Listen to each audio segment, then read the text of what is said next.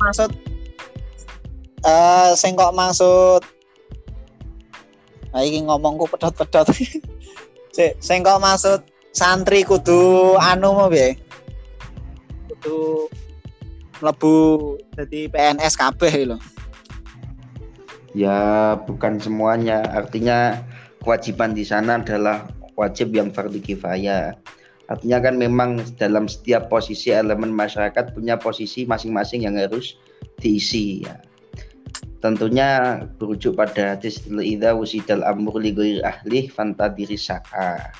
Artinya dari posisi itu Nabi mewarning jangan sampai ada posisi yang ditempati selain dari orang yang ahlinya. Contohnya saja yang saya contohkan tadi adalah pegawai PNS, tapi yang dalam arti PNS di sini adalah bagian Kemenak. Tentu Kemenak yang tahu urusan masalah tanfit atau pemberlakuan hukum agama, pencetusan hukum agama, bahkan pemutusannya tentu adalah orang yang di mana dia lebih paham akan agama. Tentu kita lebih tahu, bahkan kita lebih percaya anak pondok sama anak kuliah lebih lebih apa namanya lebih paham mana tentu lebih paham mana pondok. Maka dari itu ya dalam urusan agama. Hah? Dalam urusan agama.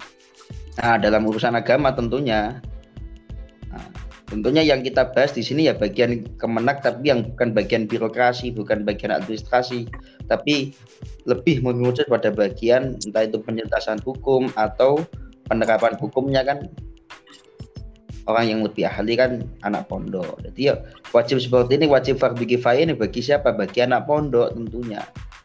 Lah bila mana nggak ada yang mengisi kita semua dosa. Jadi masing-masing santri di daerah tempat masing-masing harus ikut andil ya. Dia punya kewajiban tapi, andil. Tapi tapi gini, di kampus-kampus itu kan udah banyak jurusan dalam bidang agama ya. ya. Realitanya kan seperti itu. hmm Contohnya UIN sendiri atau yang lain sebagainya. Mereka nah. itu kan jenjang pendidikan agamanya mulai dari lulusan SMA lulusan SMA setelah itu dia kuliah 4 tahun untuk belajar agama. Kan ya bukannya menjelek-jelekkan tapi kan kuliah kan ya seperti itu. Ya yang saya pahami. Ya gak menutup kemungkinan. Memang kita semua punya potensi. Anak pondok juga punya potensi. Anak kuliah yang jurusannya agama dan juga punya potensi dalam ada tersebut. Tapi kan realita yang berbicara dari pengalaman masa ke masa ternyata perkembangan ilmu agama walaupun dalam sisi sama yang dipelajari ilmu-ilmu fikih, ilmu-ilmu akhlak, ilmu tasawuf, tapi dalam pengembangannya, dalam penguasaannya lebih matang anak pondok. Nah, tentu kita belajar dari pengalaman yang sudah ada seperti itu. Nah, maka kewajiban ini bagi apa? Bagi orang yang sudah berpengalaman, orang yang sudah punya kapasitas ilmu seperti itu. Dan memang yang kapasitas tersebut ya lebih pantasnya kita semakan bagi anak pondok sebelum anu ya sebelum ke PNS ya. Uh -uh. kemarin itu diklat PKPNU mm -hmm. PKP PKPNU ya? Iya. Yeah. itu kan justru yang mendiklat itu banyak juga oh, bukan dari pondok. Itu gimana? Justru NU sendiri itu anggotanya atau orang-orang ormasnya di dalam NU juga banyak juga orang yang nggak pondok. Ah iya kalau kita bicara masalah diklat, diklat itu kemarin tujuannya apa? Dah? Ya itu melatih militansi kita, bagaimana kita lebih bisa bersemangat dalam mengembangkan agama, bagaimana kita lebih disiplin dan teratur dalam penguasaan tersebut. Tapi bukan berarti terus menutup kemungkinan kalau mereka itu lebih tinggi dalam penguasaan agama dari kita ya bukan. Cuma kan hanya melatih karena kita tahu karakter anak pondok dengan anak kuliahan kan disiplin mana terus apa kreativitasnya lebih mana. Tapi kalau dalam penguasaan ilmu kita tahu kan ya lebih lebih utama anak pondok lah. Nah, kalau masalah yang sampai utarakan masalah diklat kan ya seperti tadi, diklat kan hanya bagaimana melatih kita agar lebih militan dalam pengembangannya, disiplin dalam pengembangannya dan lebih bergejolak, lebih ada intensivitas kita untuk mengembangkan NU karena semangat apa namanya semangat beragama ini ya kalau kita hanya mewacanakan agama tanpa adanya wadah kan tentu kita akan kocar kacir makanya perlu adanya pemahaman anak pondok untuk masuk di keorganisasian dengan adanya militansi seperti itu. Karena realita yang ada anak-anak pondok itu mereka setelah di luar misalkan lulus dari pesantren dia lebih tertutup artinya untuk masuk ke organisasi karena nggak ada yang ngajak dia ya diam saja stagnan. Maka organisasi-organisasi kan malah itu yang semua anak pondok ya? Iya kebanyakan anak pondok seperti itu. Kita bukan nggak bicara semua kan tapi kan bicara kebanyakannya seperti itu memang. Itu untuk semua jenis pondok ya? Maksudnya di dalam pondok sendiri itu kan macam kriteria pondok itu kan banyak ada yang salaf hmm. Ada yang ya. ibaratnya ya. cuma hikmah ilmu kayak kedukunan ya, enggak. ada ya. yang cuma tirakat ah. atau pondok modern nih gimana nih ya itu ya beda lagi karena kan kita tahu literatur pondok itu yang kita sebut pondok memang semua menawarkan apa namanya pengajaran agama namun dalam sisi kultur kan berbeda-beda ada yang sekarang pondok motivasi ada yang pondok pesantren dengan kedisiplinannya ada yang seperti model boarding school yang kita bicarakan sekarang kan pondok-pondok salaf mas. Karena kan kriteria ah, pondok-pondok salaf yang di mana memang di sana hanya kan kan ngaji kitab klasikal saja tanpa apa masih kurangnya wawasan dunia luar. Nah, dengan pengetahuan dunia luar yang minim dengan hanya disuguhi kitab klasikal. Makanya kan perlu penunjang dia untuk lebih bersemangat dalam pengembangannya ini. Ya pengembangan kan kita nggak cukup hanya dengan kita belajar kita klasikal, tentu harus ada apa namanya wawasan-wawasan yang baru yang demi untuk membangun keberlangsungan apa namanya pengembangan agama ini. Ya seperti yang dikatakan oleh ulama al-muhafadah ala qadimi salih wal akhdu bil di asla. Tentu kita masih menggunakan wawasan ilmu kita masih berpedoman pada kitab-kitab kuning salaf dari ulama yang masih bisa buat apa namanya pegangan. Tapi kan dalam pengembangannya kita butuh hal-hal yang baru sifatnya untuk mengembangkannya. Jadi anu ya kita ambil yang yang bagus-bagus nggak perlu diterapkan semua ya Nah, enggak enggak semua perlu diterapkan. Tentu kita masih menjaga tradisi yang ada yang tentu masih baik dan menjaga mengambil hal-hal yang di mana positif yang baru-baru tapi kan sifatnya yang aslah, sifatnya yang lebih bisa mengembangkan hal yang baik positif. Anu ya kita berfokus ke berarti ke pondok salaf yang kurang perannya kepada uh, instansi, instansi terutama instansi pemerintah atau organisasi terkait itu menurut Ustadz itu apa itu yang menjadi latar belakang apa pola pikir anak pondok itu kenapa kok tidak ke arah situ? Nah, ini pola pikir kembali lagi ke apa namanya ideologi pertama. Jadi karena kenapa kok pola pikir orang orang pondok kenapa kok kebanyakan menjauhi hal tersebut karena uh, pemahaman yang menurut menurut kami ya pemahaman yang terlalu konservatif artinya dalam memahami tasawuf karena kebanyakan orang menjauhi hal tersebut karena mereka takut itu ada unsur dunia ada unsur mencari pangkat ada unsur apa jadi kembali lagi kalau kita pahami hanya sebatas negatifnya saja tanpa kita memandang positifnya, tentu kita akan menjauhi hal tersebut semua. Dia kita harus bisa memandang lebih objektif. Nanti ya memang semua hal pasti ada positif ada negatifnya. Tapi kalau kita hanya berpikir negatif saja ya kita nggak akan mau berjuang tersebut. Ibarat tadi, ibarat kalau kita melihat wah PNS nanti PNS pasti ada uang haramnya, ada uang panas di sana, di sana pergulatan masalah apa namanya jabatan ada apa. Ya itu memang resiko mas. Itu memang bagian dari pekerjaannya seperti itu.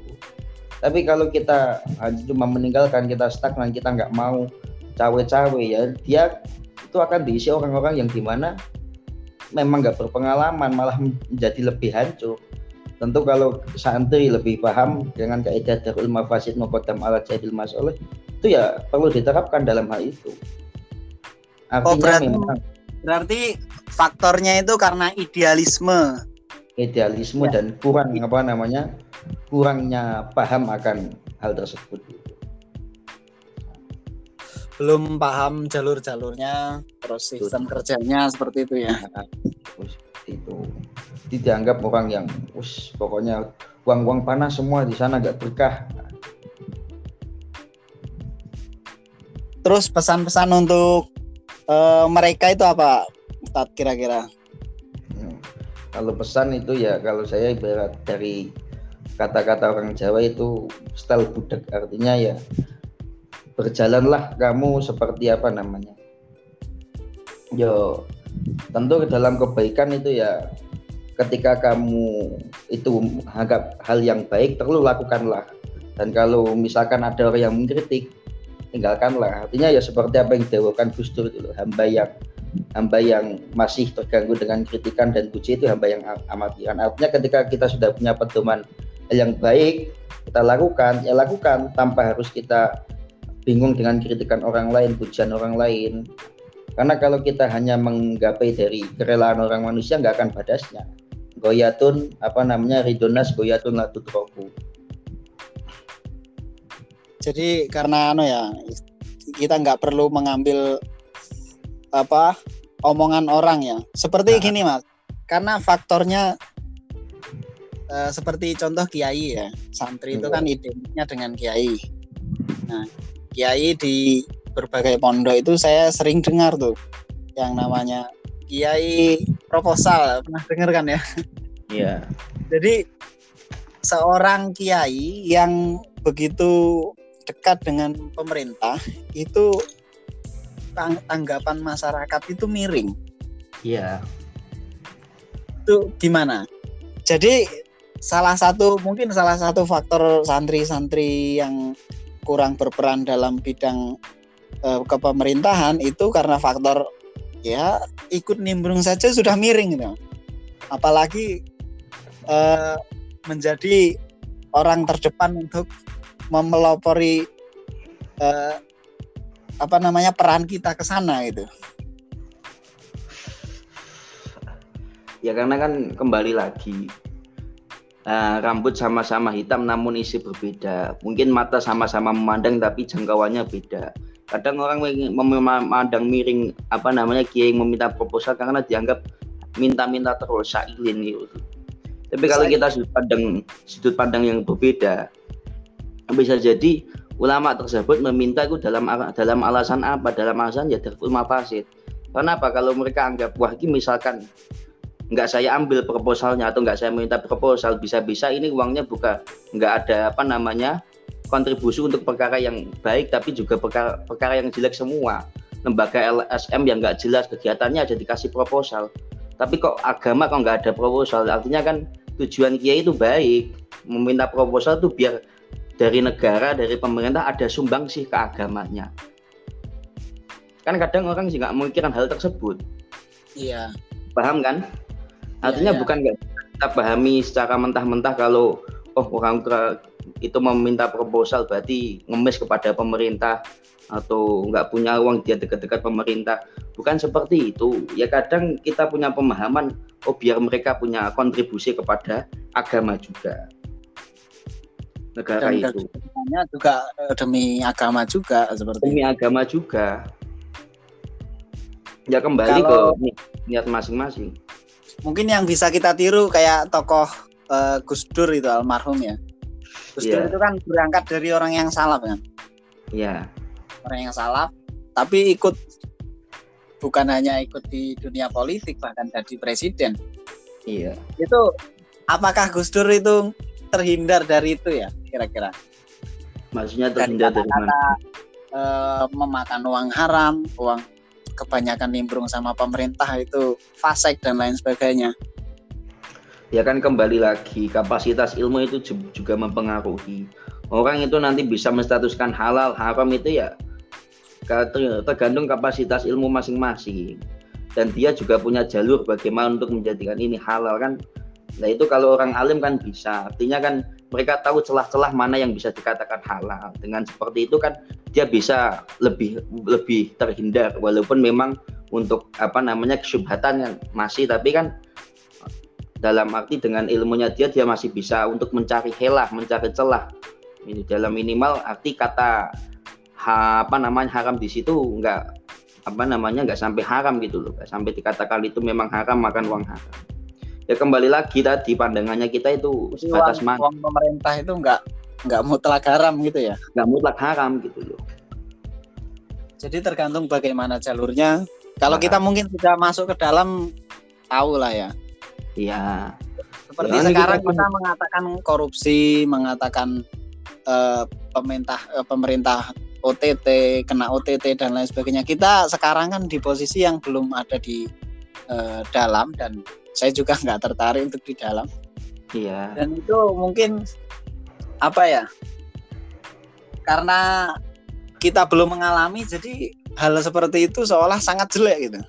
Sangat Padahal jelek. Fakta fakta korupsi sendiri itu kan bisa jadi memang dia itu memang penjahat untuk uh, mengambil uang bisa saja dengan dijebak atau yeah. regulasi yang jalur jalur yang tidak tepat mungkin atau mungkin yeah. kurang diketahui.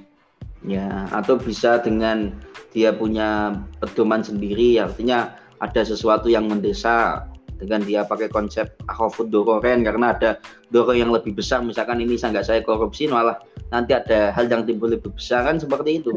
Kalau pandang ulama kan beda kan gitu loh. Ada seperti itu ya? Berarti harus dikorupsi supaya anda anu supaya ah. anda ada contohnya apa itu mas?